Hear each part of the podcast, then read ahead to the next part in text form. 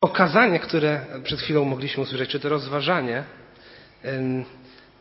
myślę takie ostre, wybrzmiewające bardzo jasno, miało, e, ma nawiązywać do tego, o czym będę chciał mówić. Do tego też miało nawiązać psalm, który był czytany na początku. Nie wiem, czy zwróciliście uwagę. Psalm 139. Wysławiam Cię, Panie, za to, że cudownie mnie stworzyłeś. Bo ustaliliśmy z pastorem Markiem, że jest potrzeba tego, aby w kazaniach czasami dotknąć tematów związanych z naszą kulturą i z naszym społeczeństwem, tematów, które są wyzwaniem dla chrześcijan. Nie zawsze wiemy, e, co myśleć. A ta kultura, jak już to zostało powiedziane, często prowadzi w rzeczy czy w stronę zupełnie nieboże. Chcemy trwać w prawdzie Pisma Świętego, chcemy trwać w Jego jasności, chcemy być światłością świata, ale jest powiedziane, kiedy będą widzieli Wasze dobre uczynki, będą chwalili Ojca, który jest w niebie. Więc jeśli mamy się tym odzwierciedlać, musimy, musimy być pełni miłości, ale musimy być też pełni prawdy. I chcemy dotykać w tych kazaniach też spraw, o których często w zborach się nie mówi, czy kaznodziejowie się nie wypowiadają, e, bo to są trudne tematy. W internecie, kiedy ludzie szukają odpowiedzi, niełatwo jest trafić na odpowiedź chrześcijańską. Na wiosnę mówiłem o chrześcijańskiej, o tak wygłosiłem takie kazanie pod tytułem Chrześcijańska odpowiedź na homoseksualizm. E, z 1 Koryntian 6, 9, 11. Mówiłem wtedy o osobach, które zmagają się e, z homoseksualizmem, ale też o całej ideologii, którą dzisiaj promuje kultura i o tym, jak wiele Kościół potrzebuje mądrości, jak wiele potrzebuje prawdy, jak wiele potrzebuje miłości i tego, że to Kościół tak naprawdę jest tym miejscem, gdzie ci ludzie mogą znaleźć realną pomoc, wsparcie, prawdziwą miłość, a nie jedynie e, afirmację lub tylko negację ich osób. Jeśli ktoś chciałby odsłuchać tego kazania, ono jest na naszej stronie internetowej. I ta strona internetowa też pokazała, że trzeba o takich rzeczach mówić. Wyobraźcie sobie, że to kazanie ma trzy razy więcej odsłuchań niż drugie najpopularniejsze kazanie. Więc stało się dosyć popularne. E, w, na, podobno na jakimś forum zostało bardzo mocno skrytykowane, właśnie nie, nie kościelnym, zupełnie takim świeckim. E, nie, nie widziałem tego, ale chętnie chciałbym, chciałbym zobaczyć. E, ale przede wszystkim spotkałem bardzo wiele głosów, które mówiły dobrze, że, że, że o tym mówicie, z łagodnością, a też z prawdą, e, bo, bo rzadko można znaleźć e, właśnie kazania w tym temacie. Dlatego postanowiliśmy z pastorem Markiem, że co jakiś czas będziemy chcieli o takich rzeczach mówić, czynić to z łagodnością, ale też z prawdą. Dobrze się do tego też trzeba przygotowywać. Więc dzisiaj chciałbym powiedzieć o problemie który parę lat temu jeszcze nie był żadnym problemem, nie dotykał on nas społecznie, a dzisiaj wydaje się bardzo dużym, o problemie transseksualizmu i ideologii gender. I zanim wyjaśnię te pojęcia, dotknę tego tematu bezpośrednio, to chcę zaprosić Was do otwarcia Słowa Bożego, do pierwszego listu do Koryntian, szóstego rozdziału, tak jak wcześniej, tym, że będziemy czytać dalszą część tego tekstu, od wersetu 12 do wersetu 20. Wierzę w to, że Słowo Boże że Pismo Święte naprawdę pochodzi od Boga. Naprawdę w to wierzę. Tam jest też powiedziane, że żadna jota nie przeminie, że ono nie traci na aktualności, nie traci ważności. Dlatego też wierzę, że jeśli mamy mówić o jakichkolwiek tematach w naszym zborze, to zawsze bazą wyjściową nie mają być nasze poglądy, czy to, co nam się wydaje, ale zawsze ma być Pismo Święte. Zajrzyjmy zatem do tego Pisma. List do Koryntian, rozdział 6, od 12 do 20, 20 wiersza. Wszystko mi wolno, ale nie wszystko jest pożyteczne. Wszystko mi wolno, lecz ja nie dam się niczym zniewolić. Pokarm jest dla brzucha, a brzuch jest dla pokarmów, ale Bóg zniweczy jedno i drugie. Ciało zaś nie jest dla wszeteczeństwa, lecz dla Pana, a Pan dla ciała. A Bóg i Pana wskrzesił i nas wskrzesi przez moc swoją. Czy nie wiecie, że ciała wasze są członkami Chrystusowymi? Czy mam wtedy wziąć członki Chrystusowe i uczynić je członkami wszetecznicy? Przenigdy. Albo czy nie wiecie, że kto się łączy z wszetecznicą jest z nią jednym ciałem? Albowiem mówi Pismo ci dwoje będą jednym ciałem. Kto zaś łączy się z Panem, jest z nim jednym duchem. Uciekajcie przed wszeteczeństwem. Wszelki grzech, jakiego człowiek się dopuszcza, jest poza ciałem, ale kto się wszedeczeństwa dopuszcza, ten grzeszy przeciwko własnemu ciału. Albo czy nie wiecie, że ciało wasze jest świątynią Ducha Świętego, który jest w was i którego macie od Boga i że nie należycie do siebie samych. Drogoście bowiem kupieni, wysławiajcie tedy Boga w ciele waszym. Jakie jest kluczowe słowo, najczęściej pojawiające się ciało w tym fragmencie? Ciało. Słowo miałem powiedzieć, a widzicie, tak to właśnie człowiek, co w sercu, to na ustach, tak mówią. Więc jak już powiedzieliśmy, jest to słowo ciało. Dziewięć razy w tych dwunastu wersetach pojawia, w tych ośmiu wersetach pojawia się to słowo. Apostoł Paweł napisał ten list do zboru w Koryncie. Napisał go jako odpowiedź na problemy, jakie, z jakimi zmagała się ta wspólnota. I między innymi jedną z tych, z tych poważnych problemów była niemoralność. I piąty, szósty, siódmy rozdział jest poświęcony e, tematowi seksualności, tematowi ludzkiego ciała i też pragnień, które to ciało często ma. I w naszej nomenklaturze często używamy słowa cielesny jako synonim słowa grzeszny. Prawda? Przeciwny Bogu. Na przykład cielesne chrześcijaństwo albo cielesny chrześcijanin. I czasami faktycznie w taki sposób również Pismo Święte się wypowiada. W tym samym liście, w trzecim rozdziale, apostoł Paweł mówi: I ja, bracia, nie mogłem mówić do Was jak do duchowych, lecz jako do cielesnych, jako do niemowląt w Chrystusie. Potem mówi, jeszcze cieleśni jesteście, bo skoro między wami jest zazdrość i kłótnia, to czyż cieleśnie nie, to czyż cieleśni nie jesteście i czy na swój sposób ludzki nie postępujecie? Jesteście cieleśni. Jest to stwierdzenie, że jeste, skoro jesteście cieleśni, to, jesteście, to nie postępujecie według Ducha Bożego. Nie postępujecie według tego, co nakazuje Pan Bóg. Bo ciało jest skażone grzechem. Ale czy to oznacza, że ciało jest bezwartościowe albo że ciało jest złe samo w sobie? Myślę, że nie. Ten fragment też to pokazuje, że nie.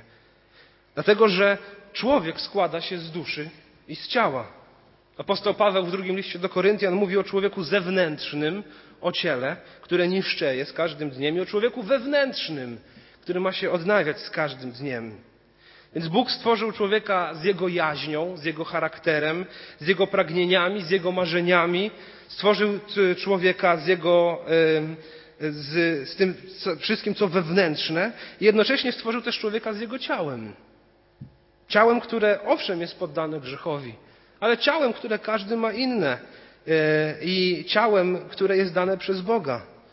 Apostoł Paweł mówi w wersecie 13: Ciało nie jest dla przeteczeństwa, lecz dla Pana a Pan dla ciała.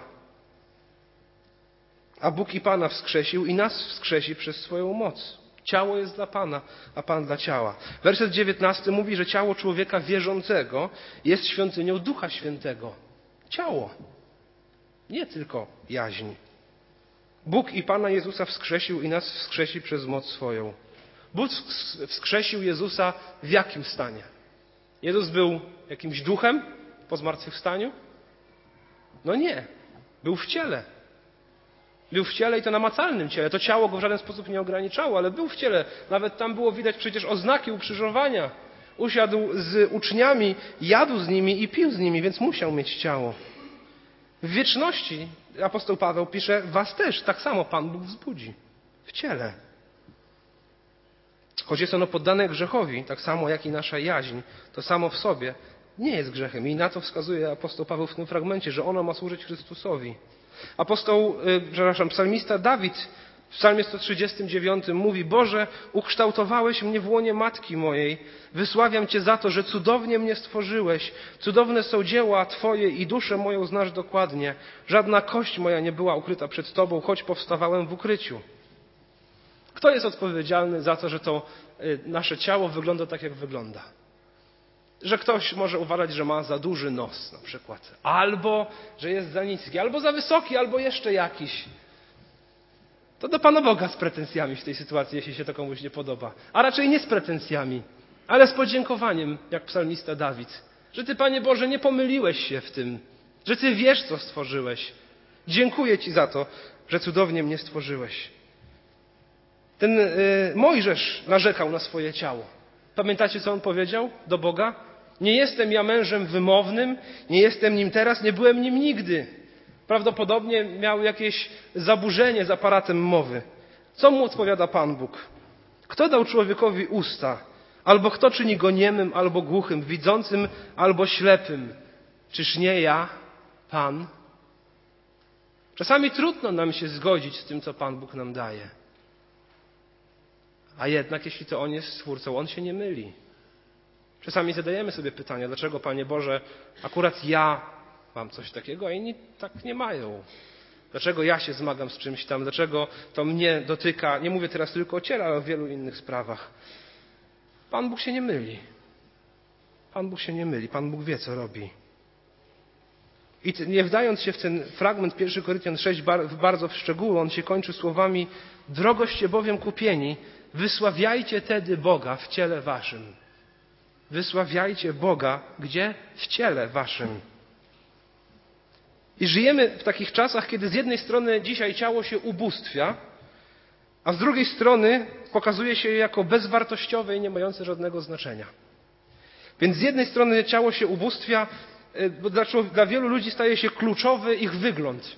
To, jak oni wyglądają, determinuje ich tożsamość, determinuje to, jak oni się czują, z czym się utożsamiają i wydaje się tysiące złotych na to, aby wyglądać lepiej. Trafiłem na taki artykuł, który mówi, że w minionym roku Polacy wydali 500 milionów złotych na operacje plastyczne. Tylko w Polsce. 500 milionów złotych. Potężne pieniądze. I wielu ludzi żyje z tego, aby właśnie upiększać ciała innych. I oczywiście ja nie przekreślam tego zupełnie. To jest bardzo ważne, żeby o siebie dbać. To jest bardzo ważne, e, aby, e, aby dbać o siebie zdrowotnie i też zewnętrznie, ale bardzo łatwo to się może stać bożkiem i dzisiaj często staje się bożkiem. A z drugiej strony mówi nam się dzisiaj, Twoje ciało to nie Ty. Możesz sobie robić z tym ciałem, co chcesz, bo liczy się tylko to, co jest w głowie, a nie to, co jest na zewnątrz. Koryntianie mieli podobne myślenie.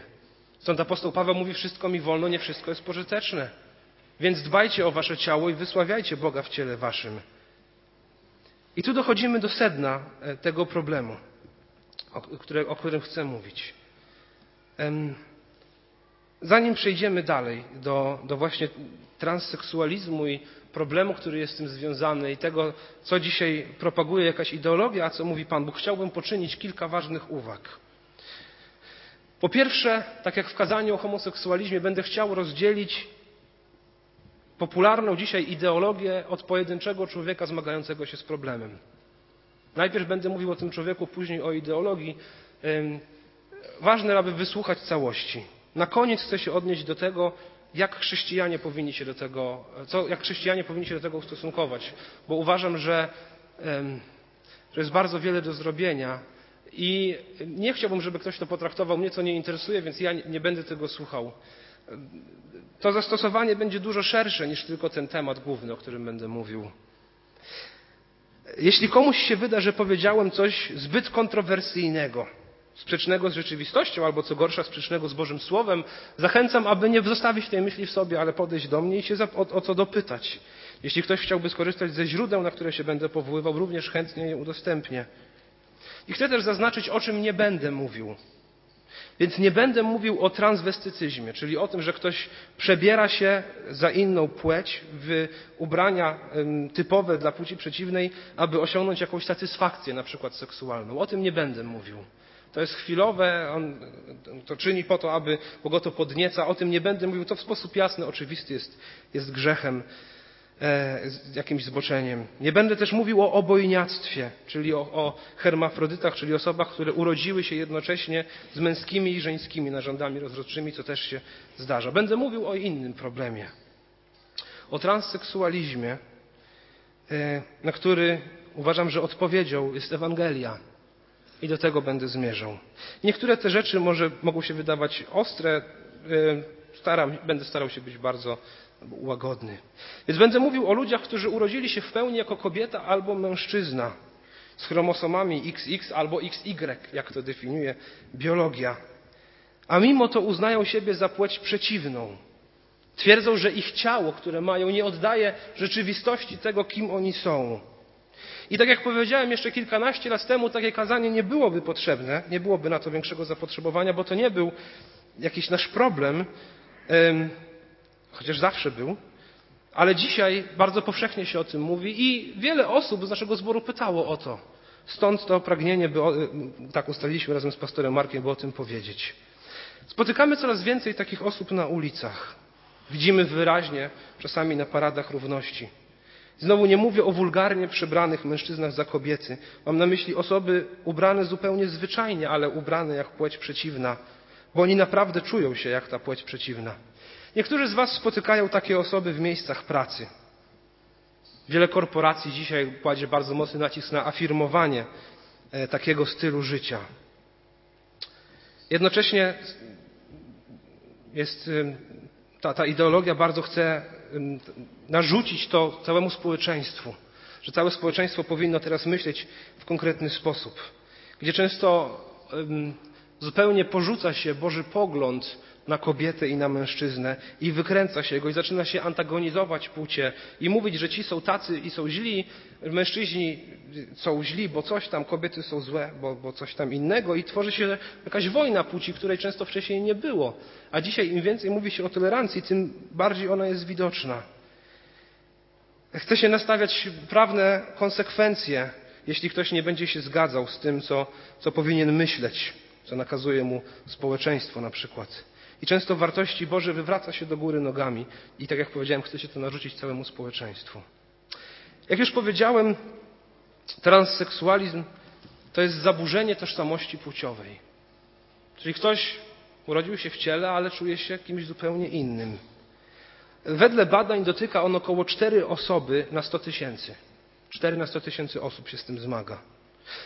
To znaczy, że mężczyzna czuje się kobietą, a kobieta czuje się mężczyzną. Nie jest to ich fanaberia, nie jest to coś, co sobie wybrali, nie jest to coś, y, nad czym mogą zapanować, po prostu tak się czują i nie mogą sobie z tym poradzić. Nie chodzi też o to, że jakiś mężczyzna jest bardziej zniewieściały, albo jakaś kobieta jest bardziej męska. Chodzi o coś znacznie poważniejszego. Dobrze to można zaobserwować na przykładzie dzieci. Więc nie chodzi o chłopca, który jest na przykład bardziej delikatny niż większość chłopców w jego wieku. Ani nie chodzi o y, chłopca, który woli bawić się częściej w dom niż na przykład w wojsko. Chodzi raczej o chłopca, który nadaje sobie żeńskie imię. Y, nie tylko lubi bawić się lalkami, ale lubi zakładać dziewczęce ubrania, utożsamia siebie z dziewczynką czy z żeńskimi postaciami w bajkach, które ogląda. I pewna chrześcijanka, z którą rozmawiałem, która zajmuje się pomocą takim ludziom, która jest terapeutką, chrześcija, terapeutą chrześcijańskim, mówi, że jeśli przez sześć miesięcy nic się nie zmienia, bo to oczywiście czasami jest tylko zabawa, jeśli przez sześć miesięcy nic się nie zmienia, szczególnie u, u dzieci w wieku 2 do 4 lat, to wtedy należy zacząć myśleć o poważnej jakiejś pomocy. Skąd się bierze zaburzenie tożsamości płciowej? No teorie są bardzo różne, ale tak naprawdę nie wiadomo. Nie wiadomo, nie da się tego jasno określić. Choć tak jak w przypadku homoseksualizmu jest on raczej dominująco nabyty niż wrodzony. To również cytat tej terapeutki, z którą rozmawiałem, co pytałem ją, co ona uważa, że powinienem zawrzeć w tym kazaniu, żeby się tym, e, żeby nakreślić to dosyć wyraźnie. To dominująco nabyty, a nie wrodzony oznacza, że są pe pewne predyspozycje biologiczne, ale są to tylko predyspozycje, a nie determinanty. To znaczy, że jeśli y, odpowiednio wcześniej się zorientujemy, zaczniemy przeciwdziałać albo korygować, to bardzo łatwo y, można nad tym zapanować. Badania też pokazują, że większość dzieci wyrasta samoczynnie ze skłonności transseksualnych, nawet do 85%. Tych, którzy się z tym zmagali jako dzieci, później z tego wyrasta. Ale jest też kilka smutnych danych. Badania również pokazują, że 62,5% dzieci, u których zdiagnozowano zaburzenie tożsamości płciowej, to już wcześniej diagnozowano u nich przynajmniej jedno lub więcej zaburzeń psychicznych lub neurorozwojowych. Zależnie od badań od 30 do 75% dzieci i młodzieży zmagających się z zaburzeniem tożsamości płciowej choruje również na inne zaburzenia psychiczne. Więc jest to problem dużo poważniejszy. Często nam się wydaje, że łatwo można go spłycić, ty sobie to wybrałeś, albo taki już jesteś, nic się nie da z tym zrobić. Jedna strona mówi, to jest wasz wybór, inna mówi, tak już jest i koniec. To nieprawda. Naprawdę tutaj trzeba odpowiedniego serca, aby do tego mądrze podejść. Badania też pokazują, że osoby zmagające się z transseksualizmem są grupą społeczną, która ma najwyższy współczynnik samobójstw. W badaniach, które czytałem, 60% transseksualistów myślało o samobójstwie w ciągu ostatniego roku, a próbę samobójczą podjęło 40%. W społeczeństwie średnia ta wynosi 1%. I ta wysokość 40% osób usiłujących popełnić samobójstwo nie zmienia się, zależnie od tego, czy ktoś przeszedł tak zwaną operację płci, czy nie. Czy obraca się w środowisku, gdzie się afirmuje jego zachowania i uznaje go za płeć przeciwną, czy też nie. Zawsze jest takie samo. Czytam to wszystko, aby pokazać tragedię tych ludzi. Tragedię człowieka, który jako dziecko patrzy na siebie i widzi, że on odstaje od reszty. Że on, on nie chce się zachować tak jak reszta, bo on czuje się inaczej. I ci inni patrząc na niego albo mówią, dobrze, dobrze, no to bądź kim chcesz. Albo mówią, nie, nie, to jest jakiś, jakiś świr, jakiś dziwny człowiek. I często bardzo mało jest takiego wyczucia i mądrego podejścia, aby jednocześnie być wiernym Słowu Bożemu, które mówi prawdę, a jednocześnie widzimy to pragnienie, w którym chrześcijanie powinni wychodzić, by mówić: Chcę Wam pomóc. Chcę Tobie pomóc. Przygotowując się do tego kazania, przygotowałem się naprawdę, myślę, że około trzech miesięcy. Przeczytałem kilka książek, sporo artykułów mówiących o tych zaburzeniach, żeby mieć pewność, o czym mówię, żeby nie opierać się powierzchownie na czymś. Obejrzałem kilka filmów dokumentalnych. Jeden z nich mówił o dzieciach w Wielkiej Brytanii, które mają 5, 8, 10 lat, twierdzą, że są innej płci i rodzice mówią, no dobrze, to bądź innej płci, e, przechodzą terapię hormonalną, na przykład, żeby u nich nie rozwijały się E, te cechy męskie u chłopców, a, a kobiece u dziewczynek. I tam między innymi wypowiadali się ojcowie tych dzieci, którym pozwala się na ten transseksualizm, który się rozwija u nich. I ci ojcowie, wszyscy, którzy się wypowiadali, mówili, że oni to akceptują, że oni to rozumieją, że ich dziecko wie najlepiej, kim oni są, ale jednocześnie każdy z tych ojców miał tak ogromny smutek w oczach, że to, co mówili, zupełnie nie zgadzało się z tym, jak wyglądali, kiedy to mówili. Naprawdę tragiczna sytuacja. Więc co proponuje kultura? Jakie możliwości mają te osoby i jak my powinniśmy się do tego odnieść? Z jednej strony mamy ideologię, która z języka angielskiego nazywa się gender. Gender oznacza, czy ta ideologia robi rozróżnienie pomiędzy płcią fizyczną, tym kim człowiek jest, i tym kim się czuje, płcią psychiczną. I to nazywa się, ta płeć psychiczna właśnie nazywa się gender. Czyli to, kim jestem biologicznie, ale się tym nie czuję, czuję się kimś innym. Ta ideologia mówi, że ani moje ciało, ani społeczeństwo, ani obyczaje nie powinny mi mówić, kim ja jestem. Liczy się to, co ja czuję i jak się czuję. Najważniejsze jest to, abym żył w zgodzie z samym sobą i inni powinni to zaakceptować i traktować mnie tak, jak ja sobie tego życzę.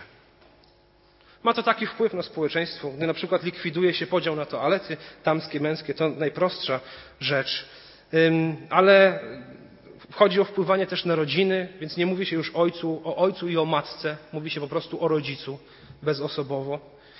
Kościół luterański w Szwecji, jeden z najbardziej liberalnych y, kościołów, jeśli w ogóle jeszcze można mówić o kościele, a jednocześnie jeden z największych zgromadzeń luterańskich, zmienił ostatnio swoje księgi wyznaniowe i zakazał już mówić w odniesieniu do Boga, używać takich określeń jak On albo Pan. Do tego stopnia, że tam w tym kościele luterańskim w Szwecji rozpoczyna się modlitwę słowami nie w imię Ojca i Syna i Ducha Świętego, tylko w imię trójjedynego Boga, aby nikogo nie dyskryminować. Więc jest to poważne zagrożenie.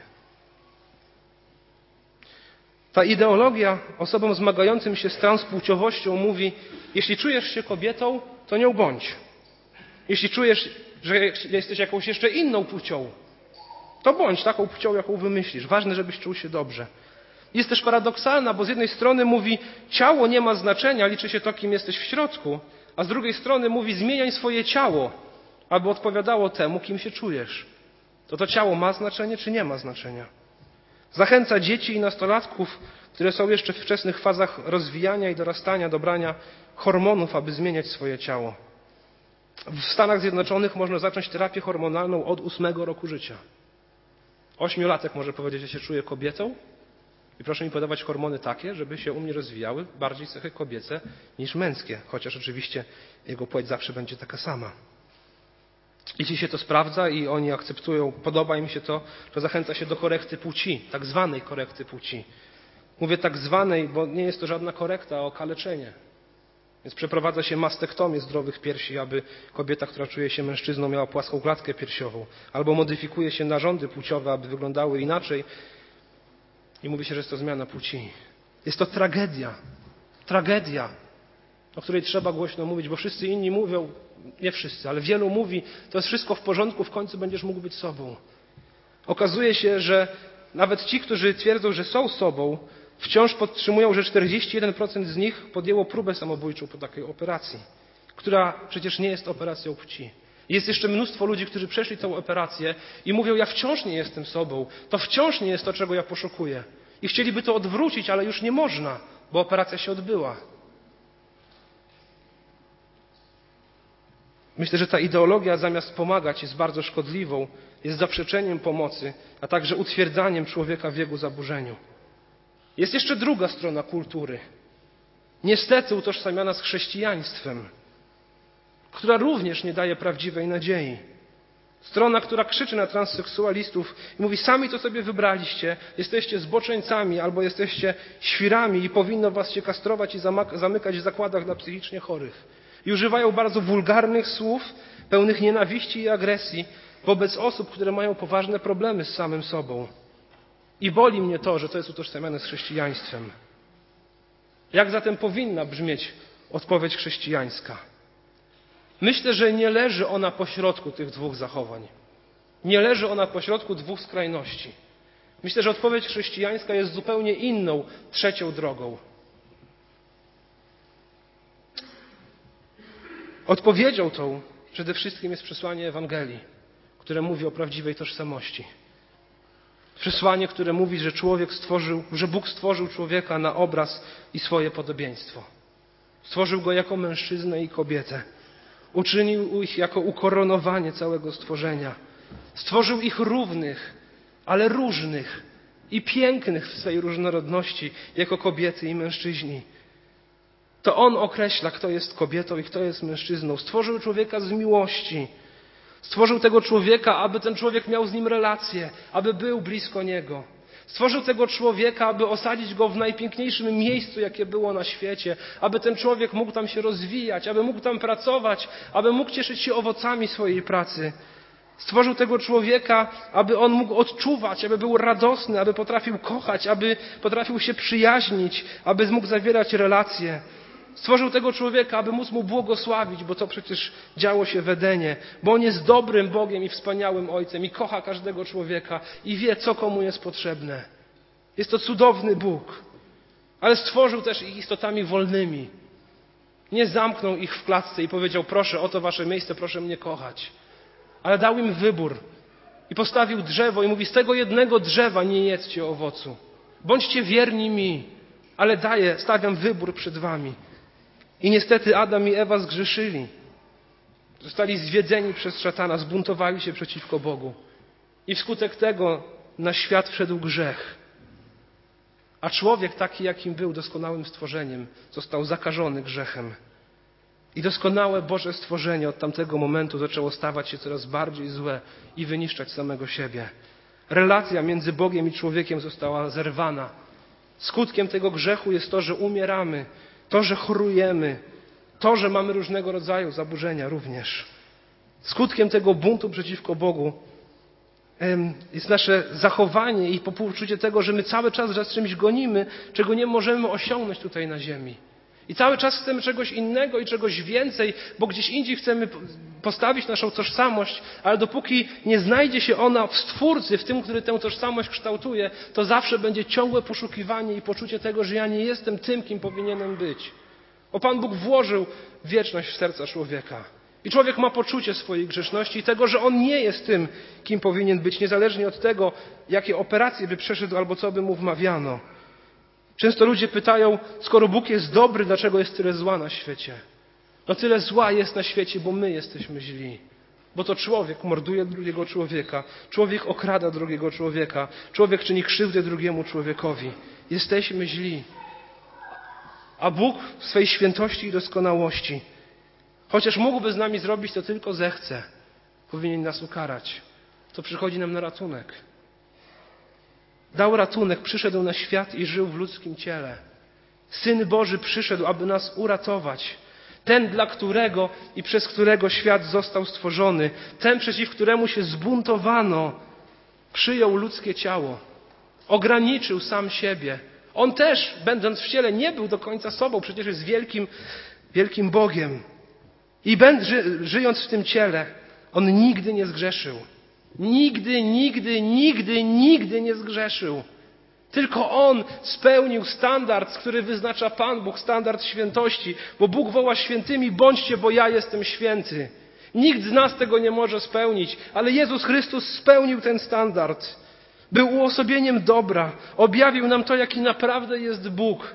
Nie wykluczał żadnego człowieka i pomagał każdemu, kto przyszedł do Niego po pomoc. Gdy ludzie, którzy Go nienawidzili, chcieli Mu coś zarzucić, mówili, że to przyjaciel grzeszników. I On naprawdę był przyjacielem grzeszników, ale nie grzeszył razem z nimi. On im mówił idź i więcej nie grzesz. I mówił chodź za mną, naśladuj mnie, zaprzyj się samego siebie. To nie będzie łatwe, ale tam jest prawdziwa radość i znajdziesz prawdziwy cel i będziesz mógł żyć dla Boga. Jezus mówi dla każdego, kto się przyzna do mnie przed ludźmi, przyznam się i ja przed moim Ojcem. Jezus mówi: Przyjdźcie do mnie wszyscy, którzy jesteście spracowani i obciążeni, a ja dam wam ukojenie. Weźcie na siebie moje jarzmo i uczcie się ode mnie, że jestem cichy i pokornego serca. On też pozwolił na to, aby jego grzeszne stworzenie go ukrzyżowało. Kiedy wisiał na krzyżu, zawołał: Boże mój, Boże mój, czemuś mnie opuścił. On, choć nigdy tego nie powinien doświadczyć, doświadczył opuszczenia przez Boga. Bo tego opuszczenia powinien doświadczyć każdy człowiek, który nie przyjdzie do Boga i się z nim nie pojedna. On umarł na krzyżu w nasze miejsce. On doświadczył wszystkiego, czego powinni, powinien doświadczyć każdy człowiek. Po to, aby każdy, kto mu zaufa, doświadczył tego, co daje Jezus. Nasz grzech został przypisany Jemu. Jego doskonała sprawiedliwość została przypisana nam. Każdemu, kto Jemu uwierzy i wyzna Mu swój grzech. I tożsamość człowieka, niezależnie od tego, jaka by ona była, nagle zaczyna się zmieniać i być kształtowana. I człowiek rozumie to, że jestem grzeszny, ale jestem też zbawiony, że jestem dzieckiem Bożym, że On mnie prowadzi, że On da mi koronę, jak śpiewaliśmy, że ja chcę iść za Nim. I niezależnie od tego, co mówi mi cała kultura, a moje, nawet moje wewnętrzne ja, często grzeszne, ja ufam Bogu i idę za Nim i chcę być tym, kim On mówi, że jestem. I On poszedł do nieba, zmartwychwstał i wrócił do nieba i króluje tam i przyjdzie ponownie, aby znaleźć swoje owce i swoich uczniów. Więc pytanie do każdego z nas, kto tutaj siedzi, jest następujące. Po pierwsze, czy pozwolisz kulturze i sobie samemu mówić, kim jesteś? Czy raczej zaufasz Bogu? Czy jesteś uczniem Jezusa? Czy On umarł również za Twoje grzechy? Czy pragniesz pójść za Nim? Czy uznajesz swoją niedoskonałość przed Bogiem i pragniesz Jego świętości? Bo widzicie, lekarstwem na transseksualizm nie jest medyczna ingerencja w ciało człowieka okaleczająca go. Nie jest udawanie, że nie ma problemu. Nie jest zamykanie oczu na problem i próba zmiany całego społeczeństwa. To nie sprawi, że ktoś poczuje się zgodnie ze swoim ja. Może na chwilę, ale w perspektywie całego życia nie sprawi. To nie sprawi, że nagle przestanie się obwiniać za to, że coś jest z nim nie tak. Dlatego, że problemem tutaj jest przede wszystkim grzech, a ratunkiem na grzech jest Ewangelia. Tożsamości nie kształtujemy my sami. Tą prawdziwą tożsamość kształtuje Jezus Chrystus. Ratunkiem na grzech nie jest operacja, ale jest przebaczenie tego grzechu. A największym problemem tego świata nie jest to, że ktoś się źle czuje z samym sobą, ale to, że zmierza prosto do piekła i trzeba go stamtąd ratować. To wymaga zaparcia się siebie. To wymaga tego, że człowiek decyduje o tym przed Bożym wezwaniem i natchnieniem, że ja chcę umrzeć dla samego siebie. Że ja nie chcę żyć wedle tego, dokąd prowadzi mnie moje ciało i moja jaźń. Ja chcę iść tam, gdzie prowadzi mnie mój Pan. Ja chcę iść za tożsamością dziecka Bożego. A kiedy doznasz przebaczenia grzechów, wtedy można też się zabrać za różne inne terapie. Za przywracanie rozpalenia męskości i kobiecości zgodnie z tym, jak zaplanował to Bóg. Więc kultura mówi, ciało nie ma znaczenia, liczy się to, co czujesz. Biblia mówi, Bóg dał ci ciało, wysławiaj go w tym ciele. Kultura mówi, kobieta i mężczyzna to tylko społeczne oczekiwania, które cię ograniczają. Biblia mówi, Bóg stworzył kobietę i mężczyznę i to On określił ich rolę. Kultura mówi, jeśli chcesz być inną płcią i zachowywać się jak inna płeć, to proszę bardzo. Biblia mówi, kobieta niech nie wkłada rzeczy męskich, a mężczyzna niech nie wdziewa damskich szat. Kto tak czyni, czyni obrzydliwość. Kultura mówi, lekarstwem będzie tak zwana korekta płci. Biblia mówi, problem jest głębszy i ostatecznym lekarstwem jest przesłanie Ewangelii. Kultura mówi, bądź sobą. Biblia mówi, idź za Jezusem. Jaka jest zatem chrześcijańska odpowiedź? Pierwsze jest nią Ewangelia o przebaczeniu grzechów dla każdego, kto przyjdzie do Chrystusa. A po drugie, jest to prawdziwe współczucie do ludzi zgubionych w tym świecie, oszukanych przez ten świat, chorych i cierpiących. My, chrześcijanie, powinniśmy być tymi, którzy wyciągają rękę i powiedzą: Chodź, pomogę Ci. Opowiem Ci o Jezusie. Chcę przedstawić Cię ludziom, którzy Go kochają. Nie będą się z Ciebie śmiać, ale chcą Ciebie wesprzeć. Nie będą tego afirmować, ale powiedzą Ci prawdę i będą Ciebie kochać i chcą Ci pomóc, naprawdę chcą Ci pomóc. Tylko czy my naprawdę to potrafimy?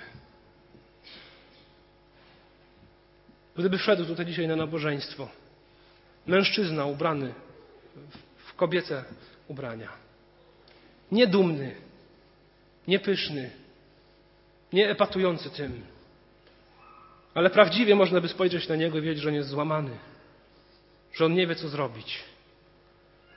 To czy my jesteśmy tymi, którzy by powiedzieli do niego: chodź, usiądź koło mnie. Ja ci wytłumaczę, co się będzie działo na nabożeństwie.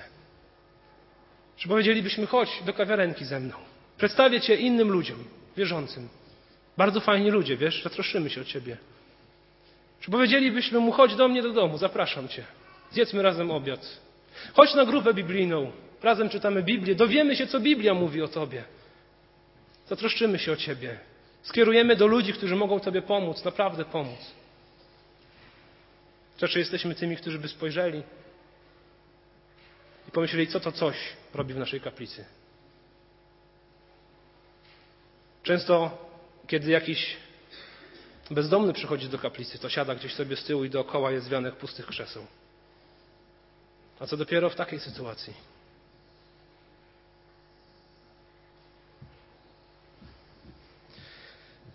Drodzy, wiele w nas jest grzechu pychy i uprzedzenia.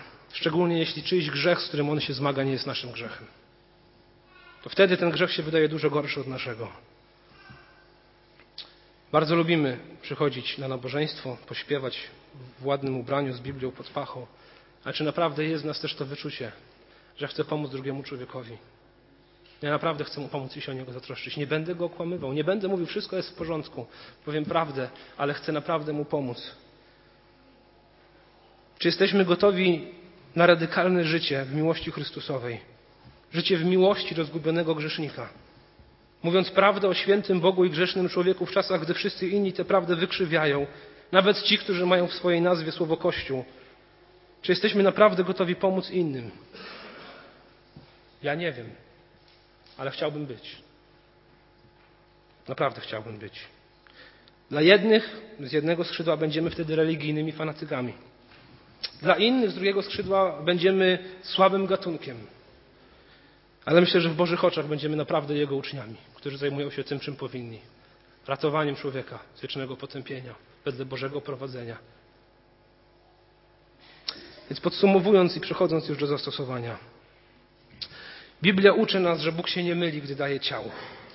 Ciało samo w sobie nie jest złe. Mamy chwalić Boga w naszym ciele takim, jakim On je dał. Wszystkie grzechy, które przyszły na świat, ten świat skaziły i również i to ciało skaziły.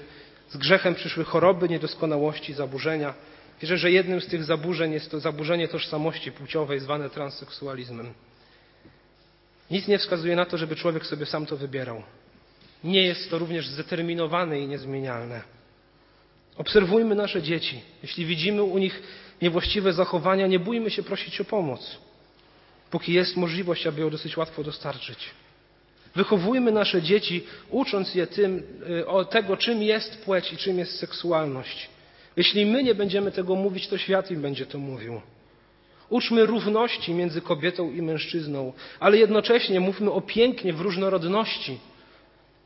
pomiędzy kobietą a mężczyzną. Wspierajmy męskość w chłopcach i kobiecość w dziewczynkach. Jasno mówmy o prawdzie, której źródłem jest Pan Bóg. Nie dajmy się zdominować i zakrzyczeć, ale faktycznie bądźmy światłem nadziei.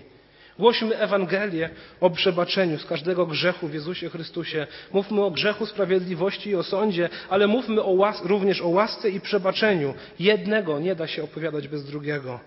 Mówmy o kosztach pójścia za Jezusem, że człowiek musi zaprzeć się samego siebie. I mówmy też o wieczności. Objawienie Jana mówi, że tam Chrystus da nam nowe imię. Nowe imię, tam będziemy naprawdę sobą. I bądźmy ludźmi, którzy przejawiają charakter Chrystusowy wobec grzeszników. Ludźmi mówiącymi prawdę wyraźniej niż inni i ludźmi okazującymi miłość mocniej niż inni. Bo Jezus jest jedynym ratunkiem dla świata.